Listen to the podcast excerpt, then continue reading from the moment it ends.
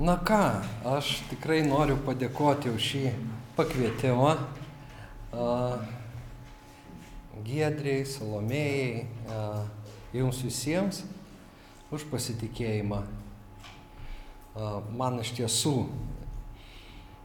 įdomu su jumis susitikti ir pasistengsiu pasidalyti tuo, ką apie šventąją dvasę supratau skaitydamas šventąjį raštą, studijuodamas teologiją, gilindamasis, bet taip pat ir iš savo asmeninės patirties, sekant Jėzų, gyvenant su šventaja dvasia, na visą tai pasistengsiu kažkaip apjungti, nes tema a, tikrai a, ne tik įdomi, bet labai aktuali ir svarbi.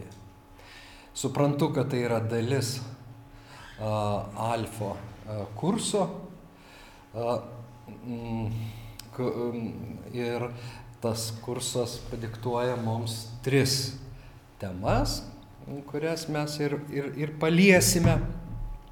Tai yra, kas yra šventoji dvasia, kaip veikia šventoji dvasia ir kaip gauti šventąją dvasę. Ir pradėsiu nuo Augustino iš Hipo vieno giliausių krikščionių mąstytojų per visą bažnyčios istoriją. Labai mėgstu jį skaityti.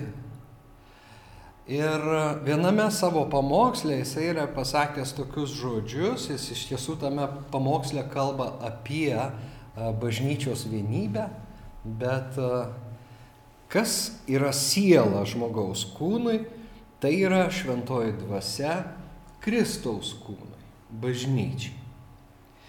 Na, akivaizdu, kad be sielos kūnas miršta, be šventosios dvasios bažnyčia taip pat. O mes esame bažnyčia. Tikintys. Mes esame Kristaus kūno nariai, kiekvienas. Nėra nei vieno, kuris tikėtų Jėzų Kristų kaip savo išganytoją ir nebūtų a, mistinio Kristaus kūno narys. Kiekvienas esame. Nariai skirtingi, dovanos skirtingos, bet mes sudarome Kristaus kūną. Pašaukimai skirtingi, mes dar skaitysim tą vietą, tačiau šventoji dvasia anot Augustino vaidina esminę rolę na, jinai palaiko gyvenimą, jinai teikia gyvenimą. Ir Senajame testamente mes irgi jau turim nemažai apie šventąją dvasę, nors daugiausia sužinom iš Naujojo testamento. Ir būdavo tokie periodai a, Izraelio istorijoje, kai šventoji dvasia pasitraukdavo. Ir Na, iš tiesų jie mokėsi gyventi, kaip dabar, kai šventoji dvasia pasitraukia. Bet akivaizdu, kai šventoji dvasia pasitraukia, jeigu jinai pasitraukia, tai ateina mirtis. Per bažnyčios istoriją mes irgi galim e, stebėti tuos skirtingus periodus, e, na, e, kai gyvenimas apmiršta. Tikėjimo bendruomenės praranda gyvą ryšį su Dievu ir tiesiog funkcionuoja tokioj religiniai rutinoj. Ir tuomet va, kažkokia grupelė žmonių pradeda melstis ir ateina taip vadinami dvasiai, dvasiniai prabudimai. Šventosios dvasios išliejimas yra vis atsikartojantis veiksmas. Ir aišku, na, mes kalbėsim apie tą asmeninį ryšį su šventaja dvasia ir gal šitos, šita diena, na, iš tiesų paskatins a, tiek tą ryšį uh, intensyvinti, tiek uh, bendrauti kiekvienam, tiek jums kaip va vienos bendruomenės nariams, mm, na, uždegti šventosios dvasios dovaną ten, kur jūs esate. Apaštalas Paulius yra rašęs Timotiejui tokiais žodžiais, kad primenu tau uždegti dovaną, kurią turi mano rankų uždėjimu. Arba ten pavartotas toks graikiškas žodis įpūsti. Vat e, įpūsti kaip ugnį. Ir e, ugnis yra viena iš šventosios dvasios, vienas iš šventosios dvasios įvaizdžių. Tai, na, negalime kalbėti apie šventąją dvasę, nepradėdami nuo esminės tiesos, kad tai yra švenčiausios trejybės trečiasis asmuo, trivienio Dievo asmuo. Ir Trivienis Dievas yra krikščionių slėpinys, jokios kitos religijos to neturi. Tas slėpinys ateina iš šventojo rašto ir pranoksta mūsų protą.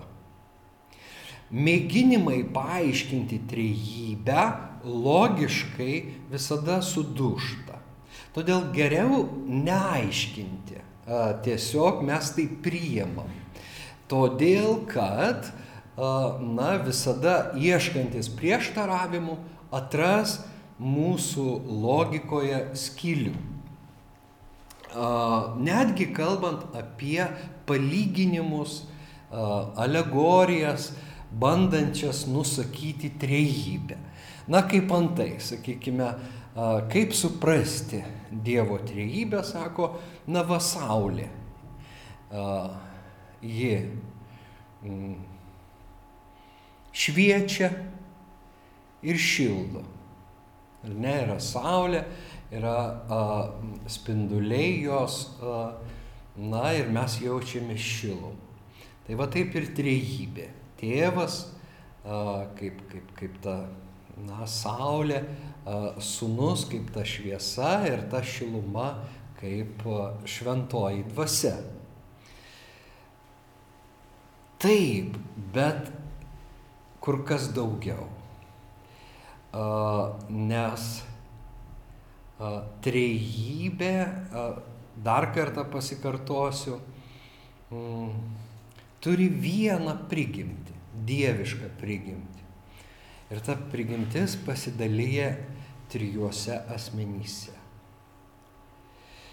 Taip vadinami trinitariniai ginčiai, trinitarinė polemika prasidėjo vėliau bažnyčioje.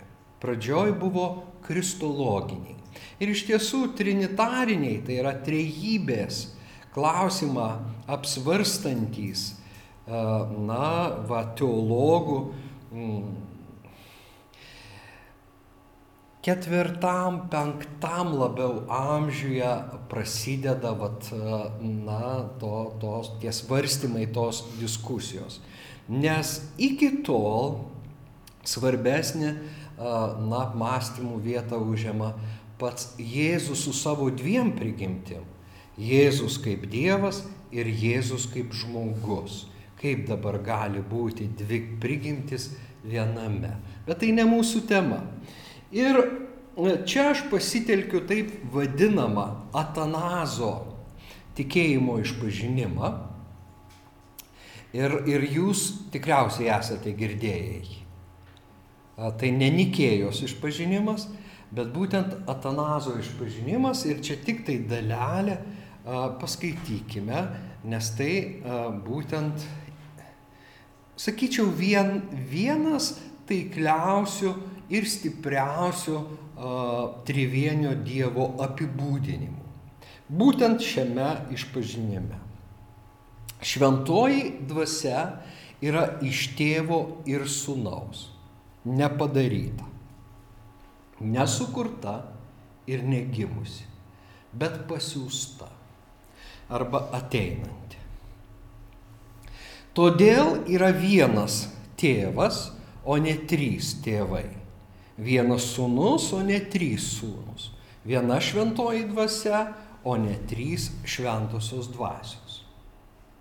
Ir šioje trejybėje nei vienas nėra pirmas ar paskutinis. Nei vienas ne mažesnis ir nedidesnis už kitą. Bet visi trys asmenys vienodai amžini ir vienodai lygus. Kad visus tris, kaip pasakyta, garbintų kaip vieningą trejybę ir trejybę vienybėje. Taigi, kas nori būti išgelbėtas, taip turi suvokti trejybę. Na, šios ištraukos pagrindinė mintis kad Dievas yra vienas. Ir mes tikime ne tris dievus, bet tikime vieną Dievą. Trijuose asmenyse. Ir ta vienybė suponuoja tai, kad, na, tie trys asmenys yra lygus. Ir nors a, tarsi tėvas yra aukščiau Tačiau, na, jisai, kaip sako išpažinimas, nėra pirmas. Ir šventoji dvasia, trečiasis asmo, nėra paskutinis. Per istoriją, vėl čia, čia bus, na, pagalba suvokti trejybę, galim sakyti, kad tėvas kūrė pasaulį. Bet vėl per žodį ir dvasį. Psalmėse pasakyta, kad, na, žodžiu ir dvasia buvo sukurti dangus. Tėvas visgi yra tas, na, veikiantis, ar, reiškia, kuri, kūrimo uh, procese, nors dalyvauja visa trejybė išganimo plane Jėzus Kristus suvaidina esminę, esminį vaidmenį. Jis mus atperka, jis atperka žmoniai. Jis tampa naujos kūrinijos pradžia. Taip apie jį pasakyta. Jis yra pirmavaisis prisikėlęs iš mirusiųjų. Sėkminių dieną ateina pažadėta šventoji dvasia. Taigi tėvas, sūnus, šventoji dvasia tarsi chronologiškai. Ir mes gyvenam, jeigu taip paimt, toje vat, būtent šventosios dvasios eroje. Šventosios dvasios eroje. Nuo sėkminių šventės, mes dar skaitysime apie tai šiandien, iki mūsų dienų. Šventoji dvasia veikia visoje žmonijoje, kreipdama širdis Dievo. Apreikšdama Kristaus atpirkimą, kad jis atpirko kritusią, puolusią žmoniją, visus žmonės. Ir kad Dievas yra palankus visiems ir kiekvienam, myli visus vienodai. Tai liudija šventoji dvasia. Klausimas, prašau, Salomė.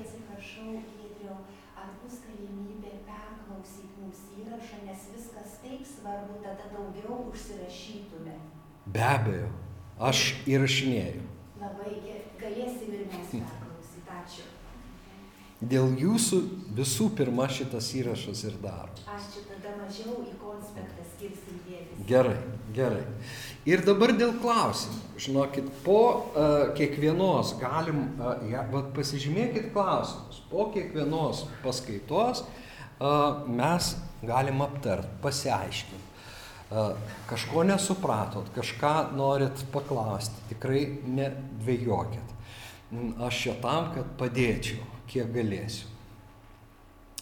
Taigi, šventoji dvasia kaip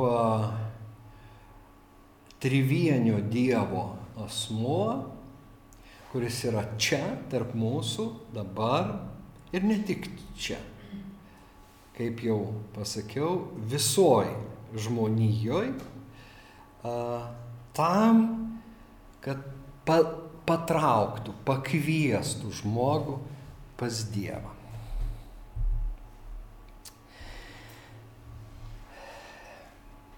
Dievas tėvas, dar viena tezė apie trejybę. Yra virš mūsų,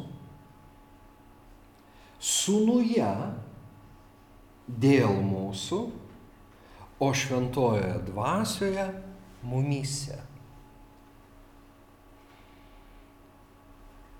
Istorinėme Jėzuje teologinis terminas.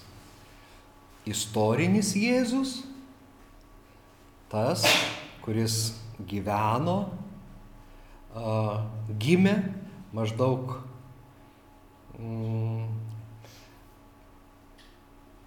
penktais, septintais metais prieš mūsų erą. Tai nors skaičiuojame mūsų erą nuo Kristaus gimimo, bet jau tyrėjai yra išsiaiškinę, kad realiai Jėzus gimė maždaug penk, penktais, septintais metais iki mūsų eros. Jis gyveno apie 33 metus ir buvo nukryžiuotas.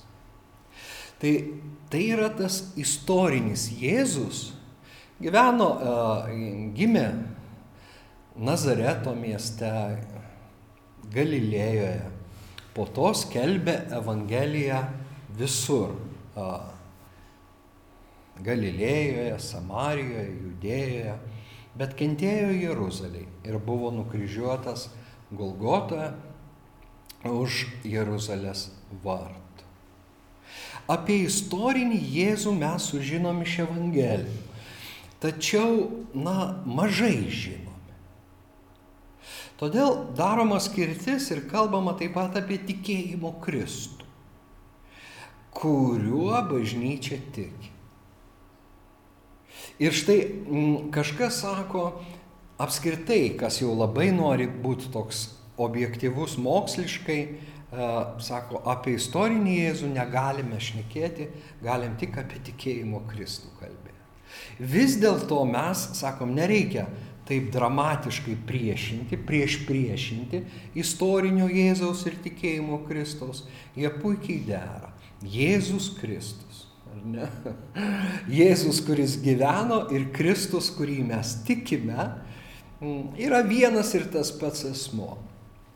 Ir a, Dievas jame buvo dėl mūsų. Ar ne kiekvienas iš mūsų buvo Dievo širdyje ir Jėzaus širdyje, kai jis kentėdamas ir mirdamas pasakė atlikt. Atlikt. Dėl tavęs atlikta, dėl manęs atlikta. Mes išpirkti jo šventu krauju, mūsų nuodėmės atleistos ir kelias pas Dievą atvertas. Bet pas Dievą, Tėvą mes ateiname, galime ateiti per šventąją dvasę. Iš tiesų, pirmajame amžiuje, iš karto po Kristaus prisikėlimo ir užžengimo į dangų, Jeruzalėje buvo šitas svarbus klausimas, o kaip su pagonėmis, kaip dabar su kitataučiais. Izraelis suprantam, išrinktoji Dievo tauta, o pagonis, kaip jiems būti išgelbėtiems. Ir apaštalas Paulius laiške Efeziečiams sako, kad per jį, per Kristų, ir vieni, ir kiti, abeji, ateina per dvasę pas tėvą, per šventąją dvasę. Labai įdomu, kad būtent šventoji dvasia sugriauna tą pertvarą. Ir tą skirti žydai ir pagonis, arba, na, judėjai, tiksliau būtų sakyti, judėjai ir kitataučiai viena dvasia gali ateiti pas Dievą. Viena dvasia. Todėl tas kelias, sakykime, šiandien, kaip žmogui, žmogus sako, kaip man ateiti pas Dievą? Per šventąją dvasę. Be abejo, dėl Kristaus atlikto uh, atpirkimo, bet ateiti kitaip neįmanom, kaip tik šventosios dvasios pagalba. Per šventąją dvasę. Todėl istorinėme Jėzuje Dievas buvo apribotas vieta ir laiku. Bet per šventąją dvasę tėvas ir sunus yra visur ir visuomet su tais, kurie tiki.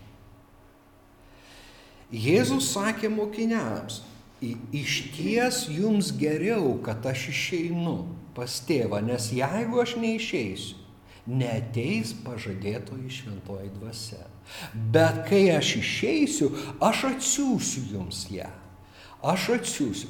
Ir iš tiesų skaitykite Evangeliją pagal Joną 14, 15 ir 16 skyrius. Šitie trys skyriai Evangelijoje pagal Joną nuo 14 iki 16 skyriaus labai daug pasako mums apie šventąją dvasę, kurią a, Jėzus vadina graikiškai parakletu.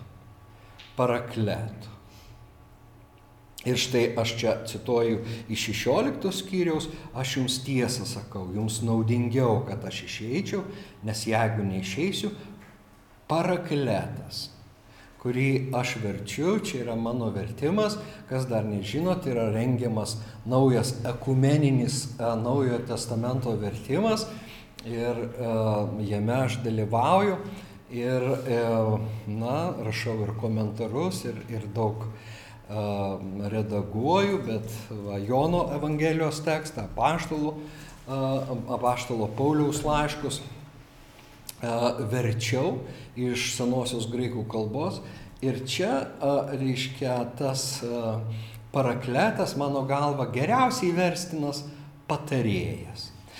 Patarėjas pas jūs neteis, o jeigu išeisiu, jį jums atsiųsiu. Šventoji dvasia kaip patarėjas Mes tuoj, tuoj apie tai pašnekėsim, bet mm, dar truputį iš patristinio periodo.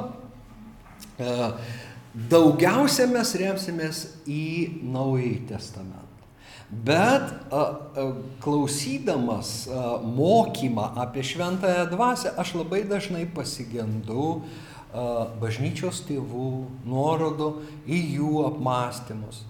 Ir aš manau, na, ne tai, kad tai didelė bėda, bet tai aps, nuskurdina na, tą mokymą ir kartais net sudaro įspūdį, kad va, va, dabar na, bažnyčia atrado šventąją dvasę.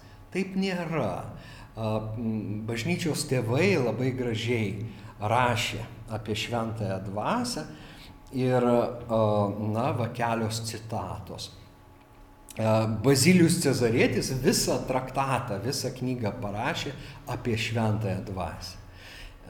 Mūsų protas apšviestas dvasios žiūri į sūnų ir jame kaip atvaizdę regi tėvą. Na, čia tokios mintys, kur, žinokit, galima uh, galvoti ir medituoti ir, ir kontempliuoti, apmastyti, uh, na, tiesiog uh, jos labai gilios. Mm. Bažnyčios tėvai suprato, kad protas žmogaus yra geras instrumentas. Tačiau be šventosios dvasios apreiškimo arba šviesos jis tiesiog klaidžioja. Vat. Geras Dievo instrumentas, bet jam reikalingas vedlys, vadovas, šviesa ir apreiškimas jį būtent apšviečia tą mūsų protą. O kai mūsų protą apšviečia šventosios dvasios šviesa, mes pradedame įsižiūrėti į sūnų. Ir jame atpažįstame tėvą. Vėlgi trejybė. Matot, kaip gražiai yra, na, tie, kiekvienas asmuo savo vietoje. Jie visi susiję, bet visgi skirtingi. Šventoji dvasia anot Bazilijos iš trejybės yra arčiausiai mūsų. Ji išlieta mūsų širdise, todėl artima. Ji dovana asmenyje. Labai svarbu, nes a, Naujajame testamente mes a, sutinkame tokius žodžius - šventosios dvasios dovana. Ir galim pradėti kalbėti apie asmenį kaip dovaną, sudaiktinti Dievą. To padaryti negalime, neturime. Nes šventoji dvasia yra asmuo, bet aukštesnis už mus. Ir nors mes ją gauname, mes trečioji mūsų paskaita bus apie tai, kaip gauti šventąją dvasią, kaip gauti šventosios dvasios dovaną.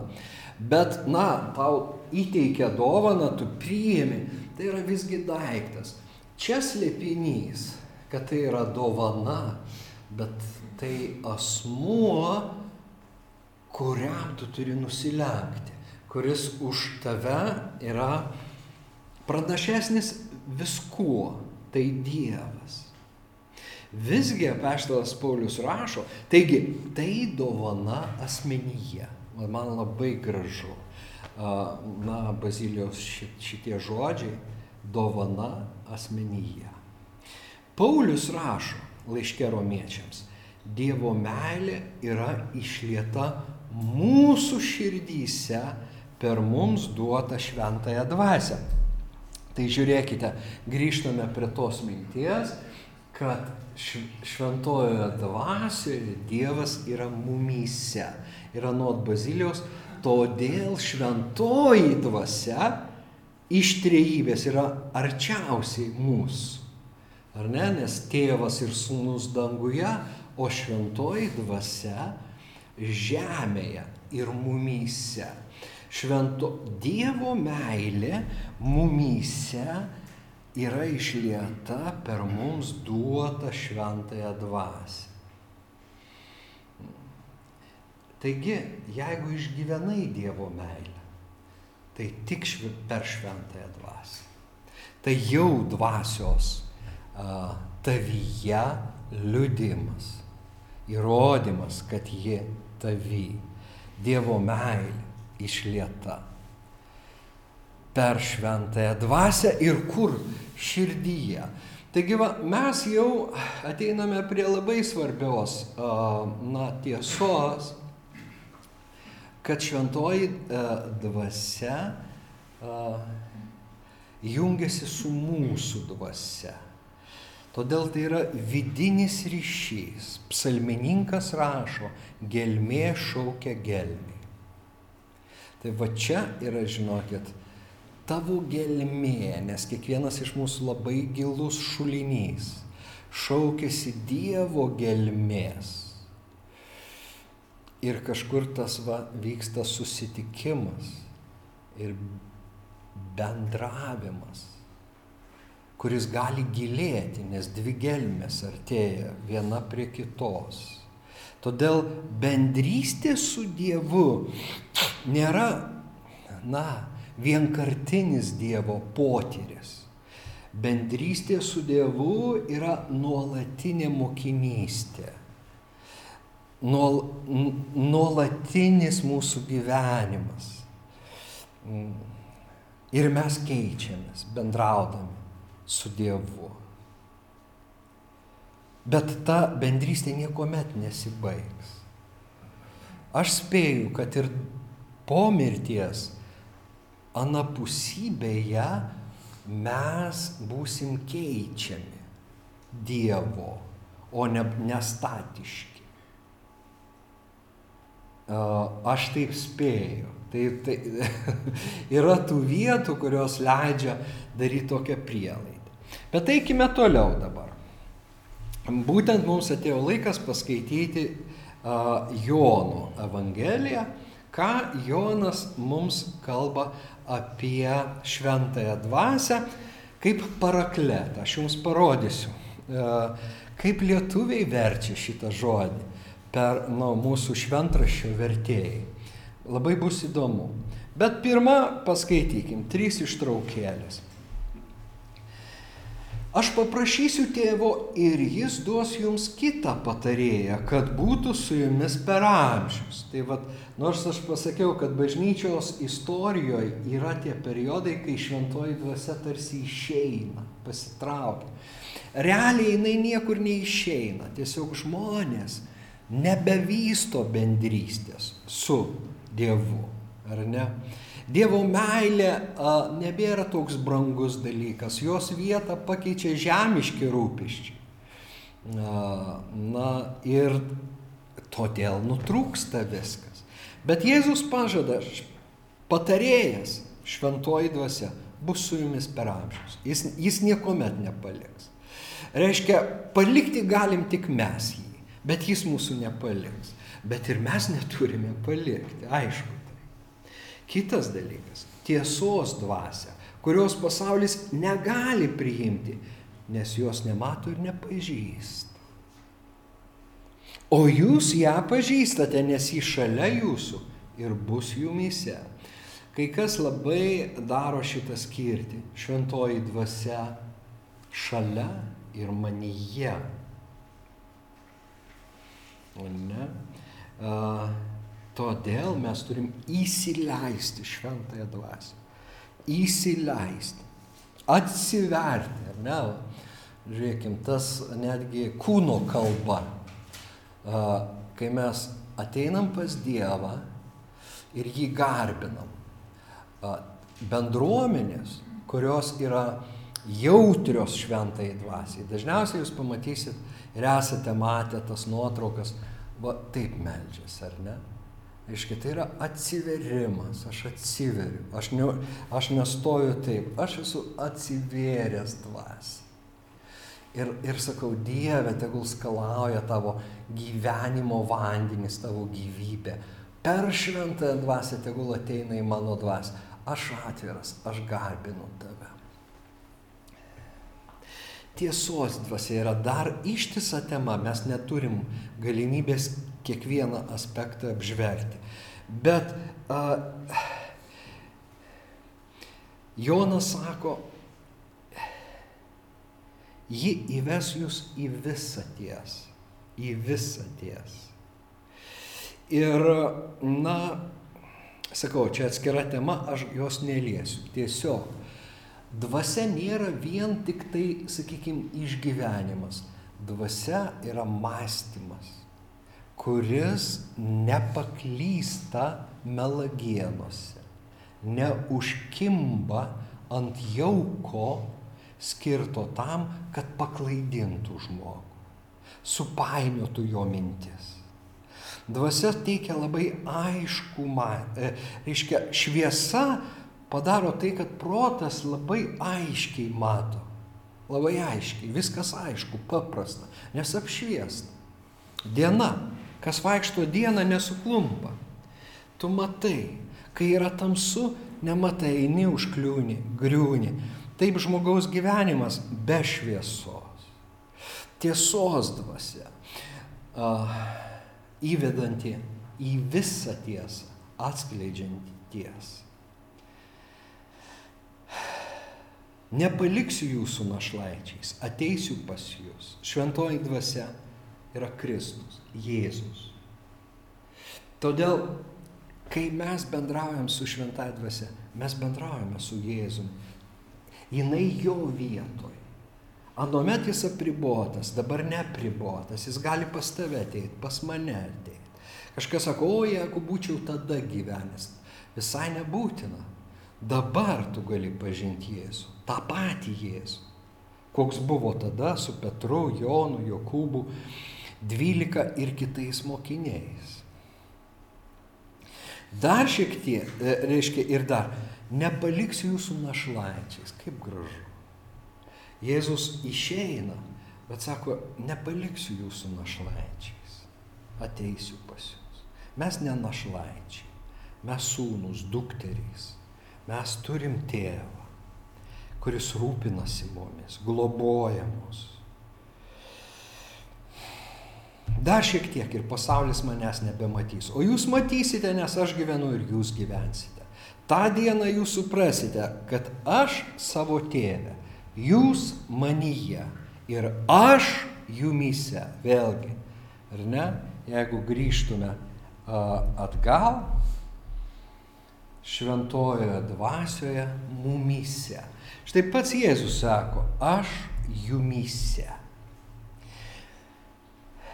Mes su tėvu pas jį ateisime ir įsikursime savo būstą. Dar viena analogija. Ar ne? Mumyse yra namai. Kas tuose namuose gyvena? Jėzus norėtų gyventi su tėvu. Mes ateisime pas tą, kuris mylės mano žodžius. Prieš tai yra pasakyti. O patarėjas šventoji dvasia, kurią tėvas atsiūs mano vardu, jis išmokys jūs visko ir visą primins, ką esu jums kalbėjęs ramybę palieku jums, duodu savo ramybę ir duodu jums ne taip, kaip pasaulis duoda. Ištisos vėlgi erdvės, ištisos erdvės. Na, ramybė. Ramybė jums, ar ne? Ramybė jums. Ateisite į kokius namus, sakykite, ramybė šiems namams. Ar tai yra tik žodžiai? Ne. Tai yra šventosios dvasios artumas šventoji dvasia atneša ramybę. Taip ramu pasidaro. Ir žodžiai ramybė jums palydėti šventosios dvasios ir atneša tą ramybę. Ir tada palyginimas, štai pasaulis tokios ramybės duoti negali. Net jis duoda šiokią tokią ramybę tam tikrose vietose, na, galim netgi taip aš dar pasakysiu, nors tai irgi atskira tema. Šiandien yra daug kaučerių, mokytojų visokių, sveiko gyvenimo, va, meditacijos, kurios ramybės atneša. Žinokit, visos tos ramybės, vėlgi jų negali paneigti, neprilyksta Jėzaus ramybė. Tai yra ta, ta kitokia ramybė, kurią tik Kristus duoda. Tik tėvas, sunus ir šventoji dvasia gali suteikti. Bet dar viena, čia jau grinai teologinis. Dabar mums tai nebe, kaip nebeaktualu, bet žinokit, buvo labai aktualu. Išsiskyrė rytų ir vakarų bažnyčia, ar ne? Katalikai ir ortodoksai teologiškai išsiskyrė dėl ko?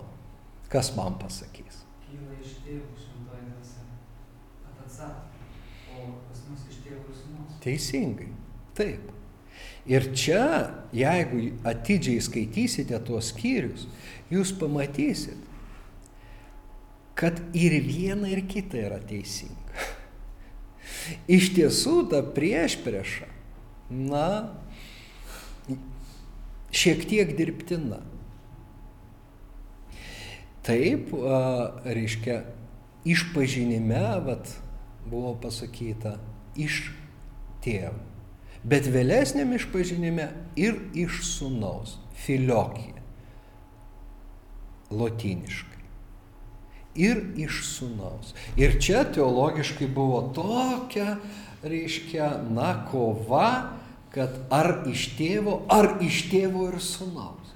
Bet žiūrėkit, kaip mes kalbėjome, mes jau toli, mes jau tūkstantis metų beveik po tos kontroversijos. Ir šiandien galėtume puikiai sutarti. Ir ortodoksai, ir katalikai, ir evangelikai. Šventoji dvasia visus apima, visus gali sujungti ir panaikinti kaip kažkada tarp judėjų ir kitataučių tą sieną. Taip šiandien tarp konfesijų tas sienas. Šventojoje dvasioje staiga mes esame viena. Nebe, nebėra vat tų, na, kas mus skirtų dalykų arba tokių teologinių tiesų, dėl kurių reikia baisiai kovoti. Tai va čia vėlgi aš manau ta ramybė, žinokit, Irenė, ar ne? Žodis Irena, tarp kitko, na, vardas yra ramybė. Čia iš, iš graikiško, jeigu graikiškai imti. Jinai taip pat, ta ramybė yra ir taika. Jinai yra ir taika. Ir kartais verčia, tenka versti taika, kartais ramybė. Ta pati graikiška žodį. Tai va ta ramybė kalba ir apie sutaikinimą. Kad dažnai be šventosios dvasios verda kovos, o atėjus šventai dvasiai, staiga visi tampa Dievo vaikai. Kaip Paulius sako, nebėra nei žydo, nei graiko nei moters, nei vyro, nei, nei, nei vergo, nei laisvojo. Visi yra Dievo vaikai. Štai ką šventoji dvasia padaro. Taip, kai jinai ateina, nebėra kataliko ir protestantų. Nebėra šitų dalykų. Jinai pranoksta. Staiga mes visi sakom, wow, Dievas yra Dievas, jis, jis aukščiau. O mes tai esam žmonės, bet ačiū Dievui, iš jo malonės mes esame jo vaikai. Ir tos, to, tos skirtis, jos ištirpsta, ištirpsta, ištirpsta. Jų nebėra. Svarbiau yra Dievo meilė išlieta mūsų širdys. Bet ir kūne turi viešpatauti ramybė. Ir kūnui reikia. Štai kodėl šventoji dvasia reikalinga bažnyčiai. Nes nuri, nurimsta tos kovos ir baigės pasididžiavimas, tu ten toks anoks, tu šio, nebe tai, nebe tai, Dievas virš mūsų, štai kas svarbu. Taigi tas parakletos, na jeigu jau kirčiuo teisingai, nors lietuviškai aš sakyčiau parakletas yra tarpininkas, užtarėjas, patarėjas. Ir naudotas tas žodis iš tiesų teisiniai kalboj. Na, jeigu žmogus eidavo į teismą, jis pasimdavo su savim užtarėją ir patarėją. Todėl, kai buvo verčiamas Naujasis testamentas į lotynų kalbą, lotynų kalboj yra žodis advokatus. tai va tas patarėjas buvo išverstas kaip advokatas, užtarėjas. Ir iš tiesų čia jūs matote tas ištraukas, gal aš net nebeskaitysiu, nes tiesiog eikime po truputį, jeigu taip mes labai, manau, įstriksime. Aš ne, ne, neišdėstysiu visko. Taigi mes atrandam pirmam Jono laiške, kad Jėzus yra pavadintas parakletu, užtarėjų pas tėvą. Jis užtarė mus, kai mes nusidedam. Ne mus pasmerkė, o mūsų užtarė. Jėzus. Bet jis yra parakletas. Štai jis sako, aš atsiųsiu jums kitą užtarėją. Bet tiksliau būtų šiuo atveju, bet žiūrėkit, kaip gražu. Ta pati šaknis, ar net tarėjas. Yra ir tarėjai užtarėjas, patarėjas. Niuansai. Ne? Tas, kuris mus užtarė, tas, kuris mums patarė. Ir viena ir kita. Dievas ir užtarė, ir patarė. Bet veiksmažodis, čia šiek tiek aš vat lingvistikos, parakalėjo, ar ne? Parakletos yra daiktavardis, tas užtarėjas, patarėjas. O parakalėjo drąsinti, stiprinti, guosti, raminti, linksminti, prašyti, maldauti. Žiūrėkit, kiek reikšmių. Vienas žodis. Ir iš tiesų verčiant, tenka įvairias reikšmės parinkti priklausomai nuo konteksto. Ir galiausiai dar yra vienas - paraklisis, padrasinimas, paraginimas, paguot. Taigi, sudėjus visus šituos semantinius niuansus, mes ateiname prie vertimo ir va čia aš jums dabar parodysiu. Vienas, du, trys, keturi ir dar trys. Septyni, septyni vertimai lietuviški. Ne? Kaip verčia parakletą tą patarėją. Jeigu jūs skaitote a, Kavaliausko vertimo redakciją, a, yra globėjas. O globėjas šventoji dvasia, kurį mano vardu tėvas atsiūs, jis išmokys jūs visko ir viską primins, ką esu jums pasakęs. Burbulio redakcija, tai yra ta pati Kavaliausko redakcija, Kavaliausko vertimą įveda godėjas. Jeigu jūs skaitote a, tikėjimo žodžio leidyklos išleistą Bibliją, jūs atrasite, o godėjas šventoji dvasia. Jurienas, kuris vertė šventąjį raštą Amerikoje gyvendamas ir a, sovietiniais dar metais, Jurėno vertimas buvo į, reiškia, kaip kontrabanda įvežamas į Lietuvą. Jis vertė, bet padėjėjas šventoji dvasia. Skvireckas, Juozas Skvireckas, Romoje gyvendamas arkivyskupo Skvirecko vertimas buvo iki, reiškia, dar, na, iki antro pasaulinio karo jau, jau pradėtas ir leidžiamas. Jis vertė, o ramintojas šventoji dvasia. Žiūrėkime, kaip skirtingai. Bet jeigu eit prie ištakų, tai yra Bretkūnas, Bitneris ir Kvantas. Bretkūnas yra pirmasis šventojo rašto vertėjas į lietuvių kalbą. Jie visi rinkosi palinksmintojas. Bet pal... čia yra, tarp kitko, aš surašiau visus, bet čia yra Bitnerio, man atrodo. Bet palinksmintojas dvasia šventoji, kurią tėvas atsiūs vardė mano, tai išmokys vis ir pri, primys jums viską, ką tik tai jums pasakiau. Tai va, tai čia mes turime tą seną, seną lietuvių kalbą. O Bretkūnas ir Kvantas jie vertė palinksmintoje palinksmintoje moteriška na, giminė. Bet, žinot ką, visi šitie vertimai galimi. Jie visi galimi. Kodėl? Todėl, kad grįžtam atgal, jūs matot, kiek e, ta, tas parakletas savyje talpina. Labai platus žodis. Ir todėl, na, vis pasirenkamas kažkoks tai aspektas, kuris vertėjui atrodo labiausiai perteiksintis dvasios esmę, kas yra šventoji dvasia, bet sikiu jisai ir stokoja. Tai va, kodėl mes negalim taip užsiaurinti, atsakydami į mūsų išsikeltą klausimą šitoj paskaitoj, kas yra šventoji dvasia? Kas yra šventoji dvasia?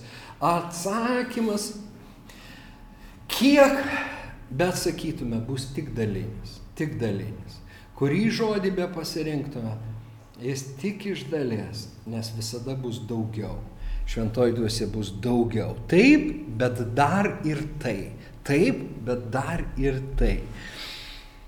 Godėjas, bet ir padėjėjas. Ramintojas, bet ir palinksmintojas. Štai Dievo pirštas dar vienas šventosios dvasios simbolis. Matot, kai kalba apie šventąją dvasę, Ir a, aš į tuos simbolius atkreipsiu šiandien dėmesį. Pasitelkiami tam tikri įvaizdžiai. Nes, na, Jėzus apie Dievo karalystę kalbėjo palyginimais. Apie Dievą mes tiesioginę kalbą labai nedaug pasakome. Todėl mums reikalingi palyginimai, įvaizdžiai, alegorijos, kad mes kažką išvelgtume. Bet kalbame vis apie tą patį. Taigi Dievo pirštas. Aiškiai matyti, rašo Paulius antrame laiške korintiečiams, trečiame skyriuje, kad esate Kristaus laiškas. Labai gražus, aš nežinau, man taip patinka va, tie įvaizdžiai, tos alegorijos, ar ne? Mes jau sužinojom, na, žinojom, bet šiandien primin, prisiminėm, kad esame Kristaus kūnas, bet ar žinote, kad esame Kristaus laiškas? Kristaus laiškas. Kaip tai dabar mes esame Kristaus laiškas? Per mūsų tarnystę užrašytas nerašalų, bet gyvojo Dievo dvasia. Ne akmens plokštėse, bet kūno širdžių plokštėse. Tokį pasitikėjimą Dievo akivaizdoje turime per Kristų. Nesakau, kad patys iš savęs esame tinkami ir galime ko nors iš savęs tikėtis. Ne. Mūsų tinkamumas iš Dievo, kuris mums suteikė gebėjimą būti naujosios sandoros tarnais. Ne raidės, bet dvasios. Juk raidė žudo, o dvasia teikia gyvenimą.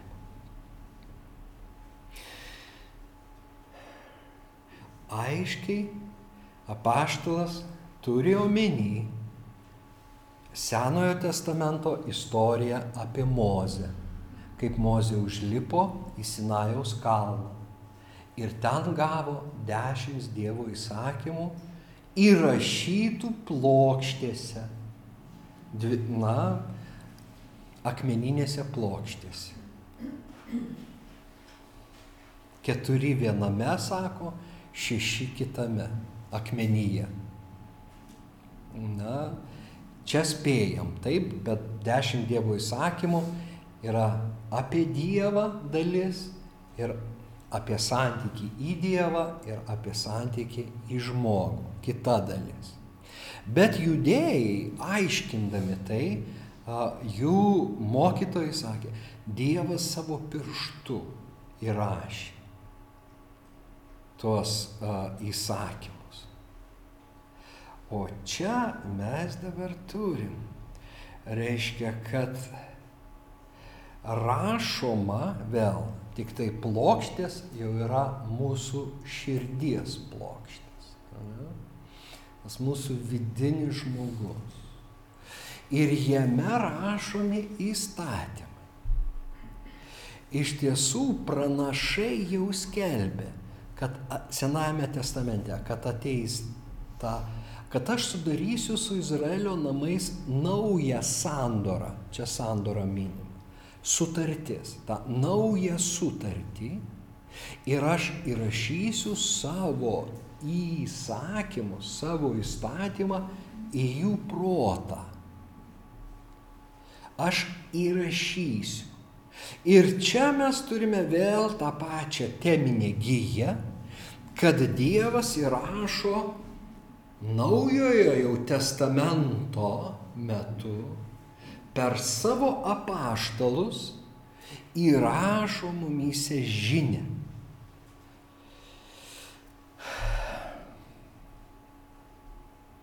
Visų skaitomas tas laiškas dar Paulius prideda. Ne truputį toliau a, ir suprantamas. Ką žmonės mumyse turi skaityti arba perskaityti. Ką va šventoji dvasia nori užrašyti. Bažnyčioje, va, bendruomenė, jūsų bendruomenė. Ką šventoji dvasia nori užrašyti, kad kiti perskaitytų. Aš manau, tai, ką mes jau palėtėm, meilę. Perskaityti taiką, perskaityti ramybę ir daugiau tų charakteristikų, tų savybių, bet a, viduj, viduj tie dalykai. Ir jie teikia gyvenimą. Kaip dvasia teikia gyvenimą, taip dvasios žinia širdyje yra gyvenimo žinia.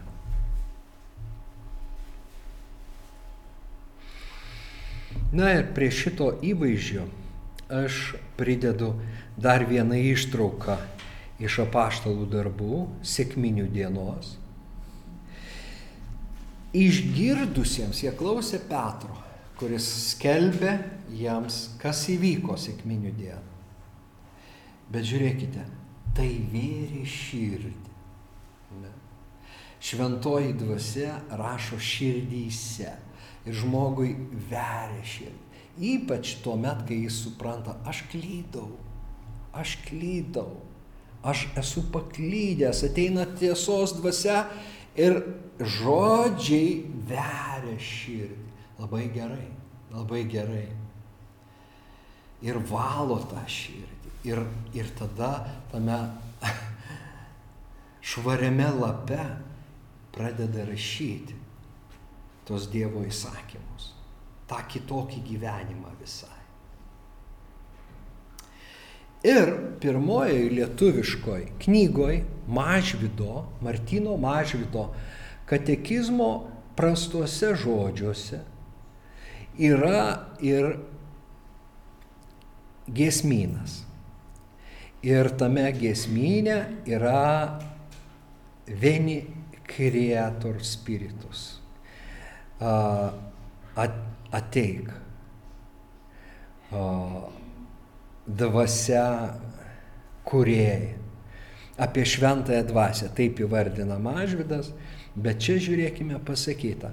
Toje giesmėje šventoji dvasia labai sena giesmė, gėdama na, per bažnyčios istoriją. Tu dešinysis pirštas viešpaties mano Dievo žodį tu apreiški ir kalbas atnaujini. Ir gyvenimą atnaujini, ir kalbas atnaujini, bet tu dešinysis pirštas. Kodėl jie, a, reiškia, na, tie mūsų dvasios protėviai šventąją dvasę kaip Dievo pirštą suprato. Va būtent, kad Dievo pirštas mumyse įrašant įrašantis kažką. Tai. Dešinysis pirštas viešpaties mano.